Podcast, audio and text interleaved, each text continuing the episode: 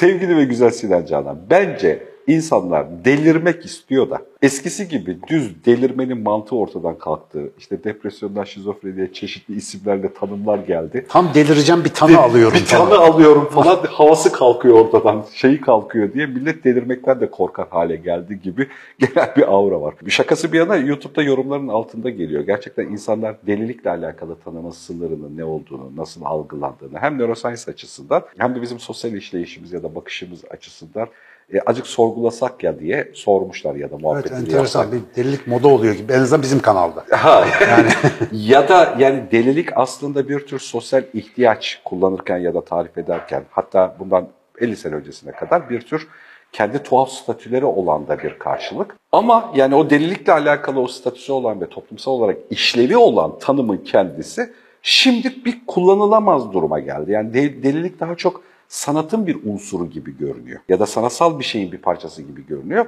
Delilik kalıbı altında her şey çözünürlüğü çok yükseltildi, tanımlar oluştu ve bu tanımların altında bunların hepsi de tıbbın hastalık bakış açısını formülün içerisine girdi ve tüm saygınlığını da kaybetti. Hani o deliliğin o havalı getirdiği, Tanrı'yla konuşan, meleklerle sohbeti olan, işte evreni başka bir yerden anlayan adam statüsü, hani o delirmenin getirdiği pozitif statü tamamen ortadan kalktı. E, şeyde zayıf karakter, işte bilmem ne falan ya da hormonal bir sürecin sonucu falan gibi bir tanımın içine girdi.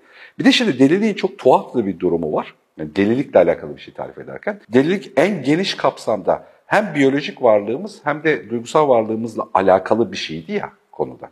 Şimdi mesela o da ayrışmaya başladı. Yani böbrek rahatsızlığı gibi oldu. Yani tüm tüm statüsü gitti deliliğin arka tarafta. Delik diye bir şey yok artık zaten. Zaten yok. Öyle bir Ya da- isimlendirme kullanılmadığı Evet. için. Ama sanatın içinde, filmlerin, tiyatronun, romanların içerisinde deliliğin kendisi, hayatı algılamayla ilgili normun dışına çıkan insan.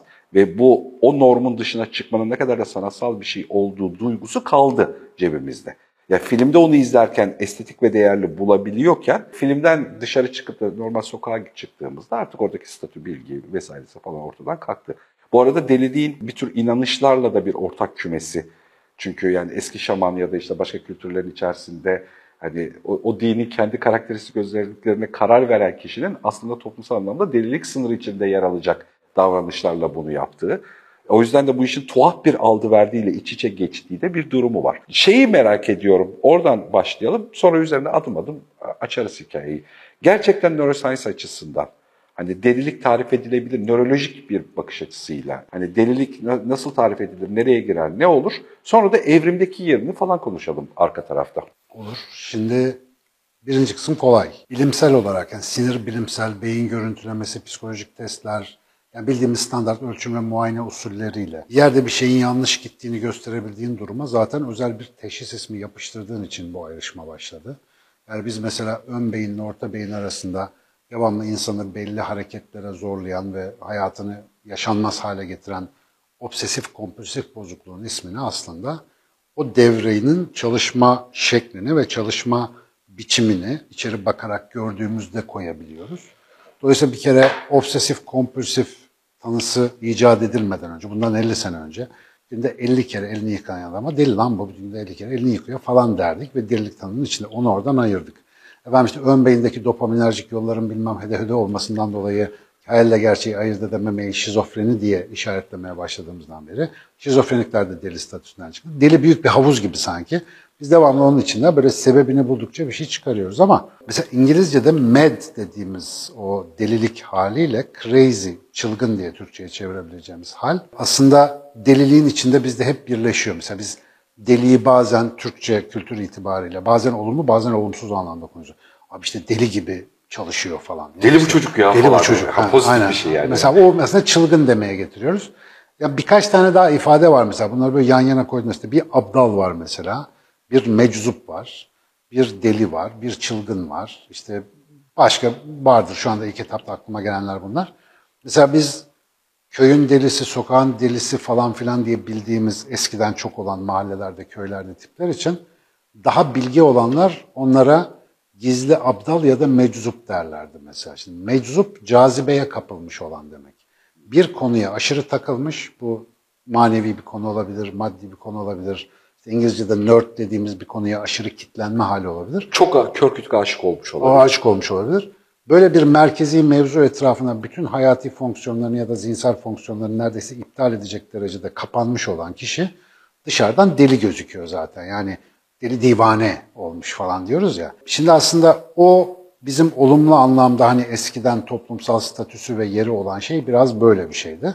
E tabi eskiden ama şizofreninin, işte majör depresyonun, obsesif kompulsif bozukluğun, posttraumatik stres bozukluğunun falan tanıları olmadığı için böyle bir şeyi ayırmadı ya da hiperaktivite bozukluğu falan gibi böyle şeyler bulamadığımız için o büyük havuzda bunlar onun parçası gibiydi sanki. Ve deli dediğimizde genellikle böyle bir şey kastediyorduk.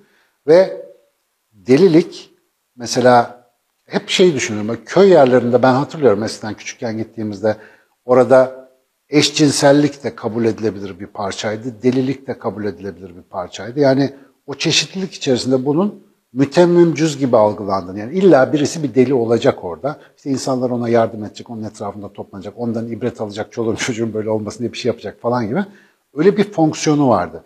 Şimdi mesela bugünden bakınca bunların hepsini belli teşhisler, tedavi edilmesi gereken ya da kontrol edilmesi gereken hastalıklar gibi sınıflandırmaya başlayınca normalin baskısı başladı. Normalin aşırı sıkıcılığı ve normalden sapan her türlü davranışa bir hastalık etiketi yapıştırma durumumuz. Ya biraz kendine güvenen adama narsist damgası yapıştırmamız gerekiyor hemen. Biraz canı sıkkın olana depresif dememiz gerekiyor. Acık böyle bir konuda takıntılı olana ya işte obsesif ya bilmem ne asperger, otistik bir şey dememiz gerekiyor. Dolayısıyla o insan davranış çeşitliliğinin bizim tanımlarımıza sığmayacak kadar farklı versiyonlarını bir arada tutan bir topluluğun daha ilkel şartlar altında ne kadar büyük hayatta kalma avantajına sahip olduğunu anlayamadığımız için ya da şu anda öyle bir durumda yaşamadığımız için o haldeki bu kavramlardan şimdi faydalanamıyoruz. Şimdi algoritmik bir zamanda yaşıyoruz. Her şeyin yolu yordamı var. Okulu bitirmenin, derse girmenin, işe gitmenin, eğlenmenin, yatıp uyumanın, saçmalamanın bile algoritmaları var. Dolayısıyla işte çılgınlık yapmayı menüden seçebilirsin artık. Yani çılgınlık menülerimiz var, sosyal medyada örnekleri var. Dolayısıyla böyle bir dünyada delilik kavramının oturabileceği bir yer yok. Halbuki bugün bile vardır. Yani ben uzun süredir köy hayatıyla maalesef çok ilişkim yok ama köy dediğin ortam mesela en azından tarımla uğraşan temel düzeyde bir topluluğun ana derdi aslında hayatla bir şekilde dans edebilmektir. Orada hayatta kalabilmektir. E, faydasını ve çevreyle olan ilişkisini optimal düzeyde tutabilmektir. Böyle olunca yani tabiatın devamlı karşına çıkarttığı sürprizlere karşı çoklu bir donanıma sahip olman lazım. Mesela delilik ve onunla alakalı her türlü marjinallik bugün daha yeni yeni nörobilimde nöroçeşitlilik diye böyle hani özleyerek, nostaljik bir şekilde bahsettiğimiz bir şeyle anladığımız ama kadim olarak çok işimize yarayan bir şeydi. Benim mesela baktığım işte yani niye eskiden mahallede deli vardı da şimdi yok kafasında. Hiç metodik okumasını yaptığım bir konuda değil bu arada. İlla ki Foucault falan bir şey yazmıştır bu konularda ama bilmiyorum ne dediklerini. Fakat netice itibariyle değişen toplumsal beklentiler ve algoritmaya gittikçe daha sıkı oturan bir yaşamın böyle bir şeyleri de formüle bağlama zorunluluğu var. Ve formüle bağladıkça sen rahat hissediyorsun kendini. Şizofreni kardeşim işte şizofreni tak koydum etiketi bitti gitti. Ama mesela şeyi aç bak, tanı kriterlerini o DSM falan filan açıp bakarsan şizofreni sendromları diye bir şey var. Altında yüzlerce farklı durum var. Mesela bunların hepsini şizofreni altına toplamak, dün bunların hepsini deli altına toplamaya çok benziyor. Orada İbrahim Bilgen söylemişti geçenlerde bir muhabbette. DSM'de en fazla alan ayrılan bölüm. Yani tanı, hastalıkların tanısıyla ilgili bir kılavuz düşün. En büyük bölüm henüz tanısı konulamayan rahatsızlıklar bölümü. Ve orada da tedavi önerileri var. Yani tanısını bile koyamadığı şeye tedavi önerisi yapabilecek kadar coşmuş vaziyetteyiz. Yani delilik işlevsel bir şey olduğu için var. Nedeni bilinmeyen kısırlık gibi. İnfertilite hikayesinde olduğu gibi. Esansiyel, idiopatik. Delilik dediğimiz şey aslında dün dışlayıcı bir şey değildi. İsim gibi bir şeydi. O bir fonksiyon işaret ediyordu muhtemelen ve o fonksiyon da bize fayda sağlıyordu. Ama şimdi algoritmik hayat içerisinde o koyduğumuz teşhislerin hepsi işlevsizleştiren, işlevi bozan, toplumun gidişatında kendisiyle ne yapacağımızı bilemeyeceğimiz reaksiyonlar doğuran davranışları dışlama kriterleri onlar. Eskiden içleme yani içeri alma aracıydı bu isimlendirme. Şimdi öyle değil. O yüzden mesela deli yok artık. Yani fiziksel evet. olarak deli yok. Ya tanısı konulamayanlar bölümüne ait bir şey bir sorun var ya da tanısını koyup rahatlayabildiğimiz kısımlar var. Ama bizim galiba gerçekten deliye ihtiyacımız var. Özellikle senin söylediğin mesela bak. Son derece doğru düzgün algoritmik sabah 9 akşam 5 yaşayan adamdan bir halt olmadığını biliyoruz yani standart. Normal adamdan iş çıkmaz diye senelerdir söylediğimiz o. Ne zaman bizden bir iş çıkıyor? İşte karnımız doyunca arıza çıkarıyoruz ya. Öyle batıyor ya bir şeyler. Şimdi bu aslında delilik hali. Hatta geçen galiba çok bu ara konuştuğum için nerede konuşurken burada konuşmuş olabiliriz. Normal insanın bugün normal saydığımız yaşam hali bile aslında tam bir delilik hali. Çünkü şimdiki anda olan bir tane değil de ya geçmişle ya gelecekle ilgili kafa sürekli halüsinasyonlar ve pişmanlıklar arasında gidip geliyor. Aslında bu bir delilik ama bu paylaşıldığı için bu normal. Bu hepimizin paylaştığı algoritmamız olduğu için burada sıkıntı yok. Ama bu algoritmanın dışına çıkmadan yani şimdiyle oynamaya karar verip burada yeni bir şey yaratmadan da bir şey olmuyor yani. Dolayısıyla bunu kim yapıyor? Bu algoritmanın dışına çıkan. Bu algoritmanın dışına çıkan da bize yaşam tarzımızı tehdit edecek bir şeyler getirene kadar hoş karşılıyor. Aynı çılgın çocuk falan. Hani tölere ediyoruz bunu. Hatta çıkarttığı işi de prestijli bir yere koyuyoruz. Sanat diyoruz, inovasyon diyoruz, yenilik diyoruz, bir şey diyoruz. Mesela bize gelip de ne kadar saçma yaşadığımızı hatırlatmaya başladığı andan itibaren kafir diyoruz, müşrik diyoruz, hain diyoruz, efendim terörist diyoruz, anarşist diyoruz, bir şey hasta diyoruz. diyoruz. Hasta diyoruz. Tabii bir de hasta etiketi var. Şimdi dolayısıyla bir, orada böyle bir kriter var yani. Bana dokunmasın, kendi çapında takılsın, psikiyatrik bir problem yaratmasın yani beni korkutmasın, beni engellemesin, benim hayat tarzımda gereksiz sorgulamalar yapmaya zorlamasın beni falan. Onun dışında böyle zararsız, normalin kabul edilebilir varyantları olarak mevcutlar. Ama bizim hakikaten hayatımıza baktığımızda benim mesela delirdiğim zamanlarım güzel zamanlarım. Yani benim deli zamanlara ihtiyacım var ve o deli zamanlarda da delice şeyler yapıyorsun. Sonra işine yarıyor ama o yaptıkları. Bir de ilham verici bir pozisyon edinme ile alakalı bir karşılığı var ya aslında yapının içerisinde. Norm diye kabul ettiğin şeyde bir süreklilik edinmeye çalışıyorsun. Sonra normun dışında bir anormalle beraber bunu geliştirebileceğin ve ilham verici ikinci bir seçenek, ikinci bir level görme şansın oluyor. Biz daha çok e, deliliği hep öyle kullanmışız. O yüzden biraz sanatla da ilintisi var. İlham verici bir tarafı var. Elbette bu arada yaşayan ve yakın çevresi için çok ızdırap verici bir hayat. Ona çok anlayabiliyorum. Yani delilik böyle hani sütten çıkmış ak kaşık öyküsü değil. Yani kendi yakın çevresinde bir sürü ızdırap verici öyküsü var. Ama yine de toplumsal olarak o öykünün kendisinden yola çıkan veri bir tür ilham verici ve geliştirici ya da değiştirici bir pozitif veri gibi değerlendirilebiliyor. Evet. O yüzden mahallenin delileri mahalle tarafından seviliyor. Bu arada Kuzguncuk'tayım. Kuzguncuk'ta da öyle. Yani hani mahalle dokusu kodlanabildiği Sürekli için. Sürekli futbol maçları anlatan bir abi vardı. Kimdi o ya Kuzguncuk'ta? Çok eğlenceliydi böyle şeylere Var birkaç tane çılgın, çılgınımız var yani. Hiç böyle şeyde. unutmazmış maçları falan mesela. O da kafayı oraya kilitlemiş. Evet, evet, evet bir şeyde ve hani herkes mahallenin öyle ya da böyle pozitif anlamda gözü üzerinde yani bir, bir mahalle dokusu yaratmayı da organize ediyor ve bir alternatifi görebiliyorsun. Ama orası yavaş bir mahalle olduğu için yavaş mahalle tölere edebiliyor bunu. Ama buradaki hikayeyi hızlandırdığımız bir... Yavaş mahalle güzeldi bak. Evet. Yani... Hız işte bizim hızımızı kesiyor mesela onlar.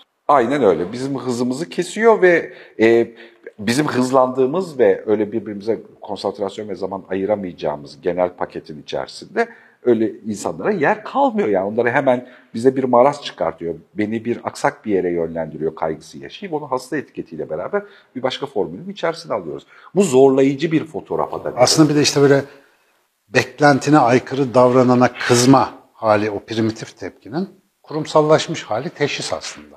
Ha yani, yani pist yapma bunu işte canımı sıkma falan filan yerine şimdi al bu ilacı otur oturduğun yere de al, bu muameleyi çık kenara. Hani teşhis şu anda onu yapmamızı sağlıyor ama mesela ilham verici taraf dedin ya biraz önce. Yani ya biyoloji çok güzel bir şey ya. Yani anlatsalar da hakikaten mesela bunların hepsini biz kendimiz çıkarabilecektik ama şöyle düşün. Mesela seninle evrimi konuştuk uzun uzun. Mesela oradaki en önemli hikaye neydi? Bizim yani bütün canlıların her üremesinde genetik kartlar o kadar çok karıştırılıyordu ki her an yeni bir varyasyon çıkıyor. O yüzden iki canlı birbirine benzemiyordu. E tabii bunu yaparken de her zaman böyle mühendislik olarak %100 güzel ürünler çıkmıyor. Arızalılar çıkıyor, eksiği fazlası farklı kombinasyonlarda bir şeyler çıkıyor. Ve bunlar bize çok büyük bir güç sağlıyor demiştik. Neydi o güç? Şartlar sürekli değişiyor. O değişen şartlarda ne kadar hazır olursan ol, tek tip olursan kırılgan olursun. Ortadan kalkarsın bir yamukta. Ama çok farklı olursan, çok farklı veçelerin olursa, farklı güçlerde bireylerden oluşursa o zaman her türlü değişikliğe karşı tür olarak anti kırılgan oluyorsun ya da canlılık olarak anti kırılgan oluyorsun. Bir kısmı belki dezavantajlı oluyor, üreyemiyor, ölüyor, bir şey oluyor ama o soy daha o ortama uygun olanlar tarafından devam ettiriliyor. Şimdi insanın bu dünyada hayatta kalabilmesi de yenilik üretmesiyle alakalı ya. Yani insan baştan beri böyle bu dünyada hazır haliyle takılamıyor işte. Değiştirecek illaki. İyi de neyi ne kadar nasıl değiştireceğim? Bu değiştirdiğim bir süre sonra bana zarar verirse ne olacak? Bilmem ne gibi. Hem doğanın yarattığı, hem kendi doğasının yarattığı, hem de kendi eliyle yarattığının ona yarattığı bir sürü fenomenle karşı karşıya. Yani onun çevresi çok daha kaotik. Tabiatta bir zürafanın çevresine göre. Şimdi böyle olunca delilik o kadar muhtaç olduğumuz bir şey ki. Otizme o kadar ihtiyacımız var ki, şizofreniye. Tabi bunların daha hafif ve işlevsel versiyonlarına o kadar çok ihtiyacımız var ki. Ve bunları etiketleyip, yapıştırıp bir kenara ayırmakla aslında yaptığımız sabotajın boyutlarını görebilsek bunun tez oranda vazgeçerdik. Çünkü şu anda algoritmada yaşadığımızı sanırken Covid geliyor işte. Yani başımıza bir şeyler geliyor, iklim krizi geliyor, petrol bitiyor, işte at kaçıyor, tüy düşüyor, bir şey oluyor yani.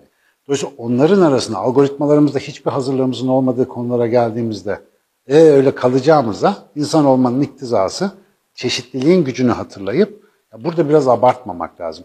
Anlıyorum doktorun, anlıyorum tıp alanının endişesini. Yani teşhisi koyalım, rahat edelim, hasta da şey olsun, malpraktise girmeyelim, bir şey kaçırmayalım diye. Yazık işte 2-3 senede bir o DSM'leri yenileyip yenileyip duruyorlar mesela. 10 sene önce var olmayan hastalıklar bugün ana hastalıklarımız falan. Çünkü yeni icat etmişiz onları. Bu endişeyi anlamakla beraber bu endişenin mantıksız olduğunu hatırlatmakla görüyor. Bu kadar değil. Burada tabii karşımıza şu çıkıyor ama bu, hani bu gerçekliği es geçmeyelim. Sen o ailenin ne kadar acı çektiğini biliyor musun duygusu çıkıyor. Tabii ki. Tabii ki. şeyde O ya da önemli işte- bir kriter Evet, tabii şeyde ki. ya da onun mal olduğu yani insanlara zaman ve duygusal anlamdaki maliyetlerini biliyor musun? Defansı çıkıyor ve haklı bu arada o defans. Çok haklı.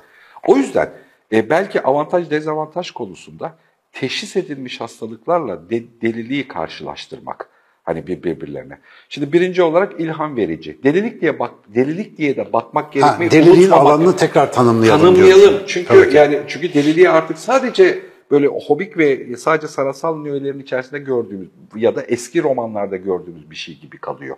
Şimdi birincisi delilik kavramıyla bazı şeyleri okuma ilham verici. İkincisi az önceki söylediğin gibi çeşitlilik kavramını algılama, o çeşitlilikten kaynaklı anti kırılgan bir e, topluluk oluşturmanın özünde yer alıyor.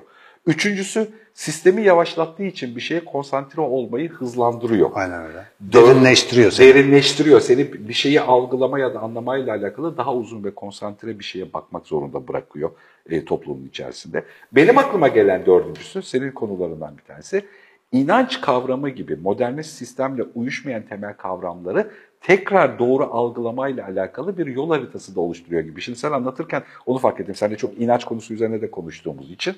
Hani bir şeyin inanılırlığının yani evrenin inançla algılanacak, mutlak olmayan bilgisine mutlak bilgi yapıştırılacak temel kavramlarla e, modern ve mutlak bilgi diye kabul ettiğimiz geçici kavramlar arasındaki geçişi delilik verebiliyor.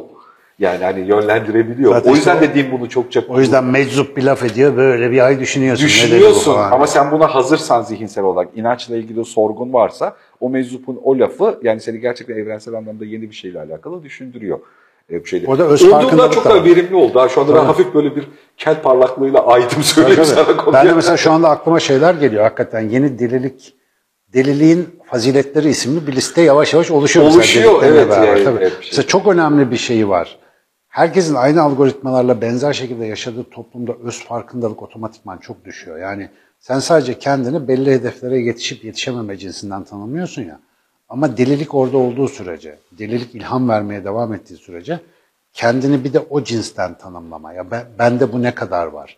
Benim bununla ilişki biçimim beni nasıl tanımlıyor? Ben bununla nasıl başa çıkıyorum? Ya da nasıl bir ilişkiye geçiyorum? Bu mesela insanın kendini tanımasıyla da çok ilgili.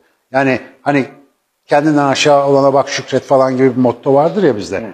Tam olarak böyle değil mi? Bu da o işin bir parçası. Yani orada bir belki işlevsiz olabilecek bir durum var.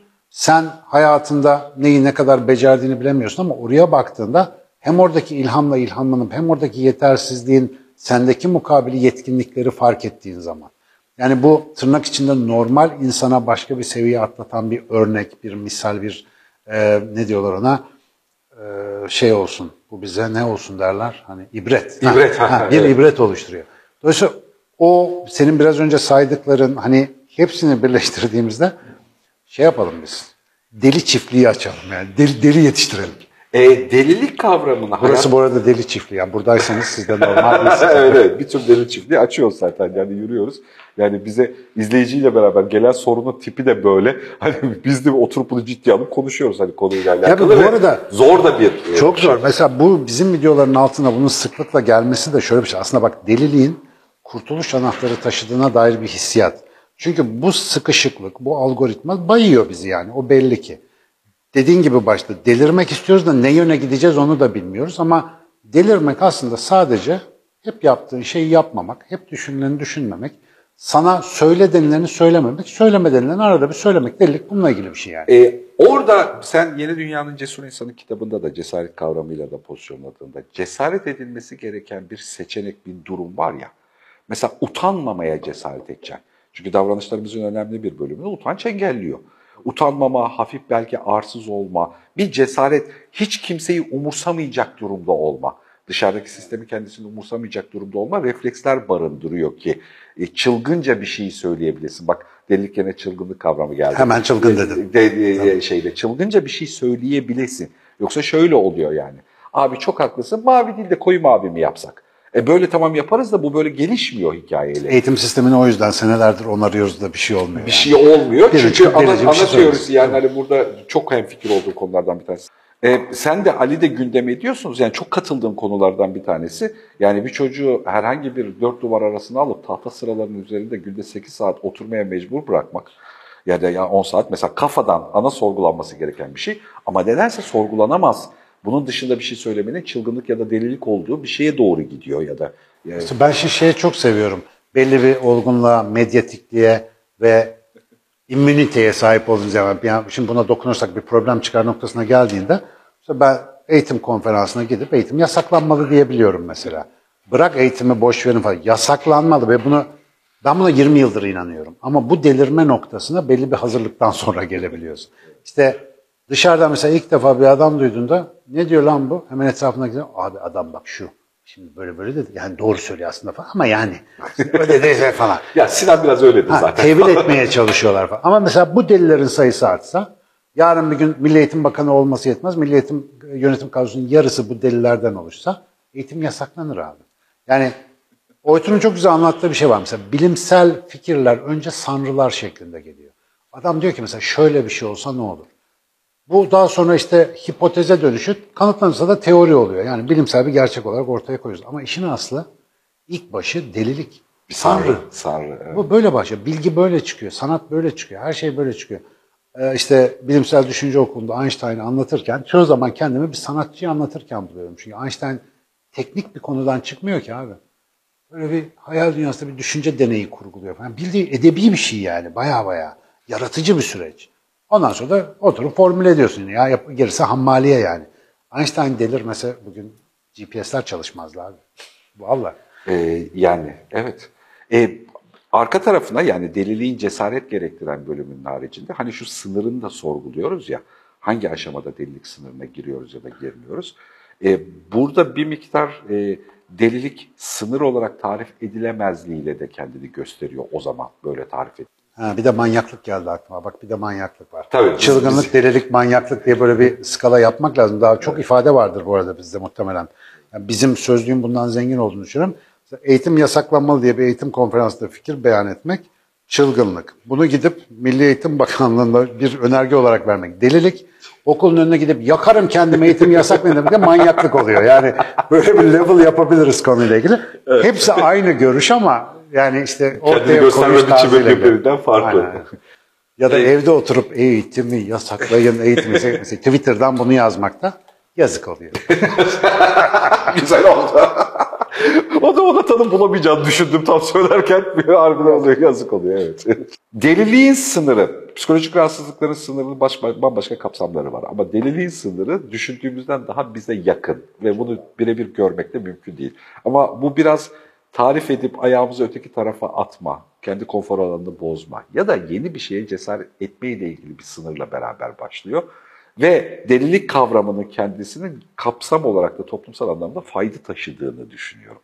Hem sanatsal hem az önce sıraladığımız matematikler. Yani gerçekten bu konuyu şu anda kendi hayatımda ele alma ihtiyacı hissettirdim. Bana yani açarak. hani yukarıda Biraz delirmekte fayda var yani. var ya da de, deliliği bir kavram olarak pratiklerimizde, iş hayatında ya da dışarıda kullanmakta, jargonunu ya da mantığını geliştirmekte de fayda var. Çünkü e, rasyonel bir sistematikte, akademik bir zeminde de bir şey yapıyor ola gelsen bile e, mutlak bilgiye ulaşmak için ihtiyacın olduğu inanç kavramlarına gidecek atak da delilikle ilintili aslında. Abi ne fark ettim biliyor musun bak. Biraz sıkıntılı bir cümle oldu ama bence Yok, yok. şey yani bir zemini var. Abi delirmememizin en önemli nedeni deliremememizin. Yani herkesin aklında delice bir şeyler geçiyor yani. Jim Carrey çok güzel anlatıyor. Yani elinde tıraş olmak üzere jilet var. Bir anda aklıma geliyor. Şunu da dilimi doğrasam ne olur acaba? Ee, Şimdi ama bir an o bir niye yapmıyorsun? Mesela korku var abi. İnsanı korku, utanç falan gibi faktörler tutuyor. Delilik bunun zayıfladığı hal. Yani cesaretin kolay ortaya çıkabildiği hal. O yüzden delilik pratiği lazım arada bir. Yani sıra dışı davranışa delilik de aslında öğrenilecek bir şey var. Şu anda onu fark ettim. Hepimizde var o potansiyel ama korktuğumuz için yapamıyoruz. Çekindiğimiz için yapamıyoruz. Yani bizi tutan bir negatif duygulanım var. Deli de o zayıf. O zayıf olunca o hal oluyor zaten. O çıkıyor. Ve bu insanlar yaptıkları şeyler hani pozitif olduğunda norm değiştiriyorlar. İşte delice bir şey yapıp daha sonra 20 sene sonra ki bu, bu zaten böyleydi falan. Herkes bunu biliyormuş gibi davranıyor. Normal İşte- yaşıyor. Çok öğrenecek şey var abi. Yani kesin. Güzel, umduğumdan performanslı olduğu içerik açısından da. evet. Evet, ilk soruyu soran arkadaşa teşekkür ediyorum. Bir şeyler. Şey, evet. Vallahi delirmeyin ama yani azıcık delirin.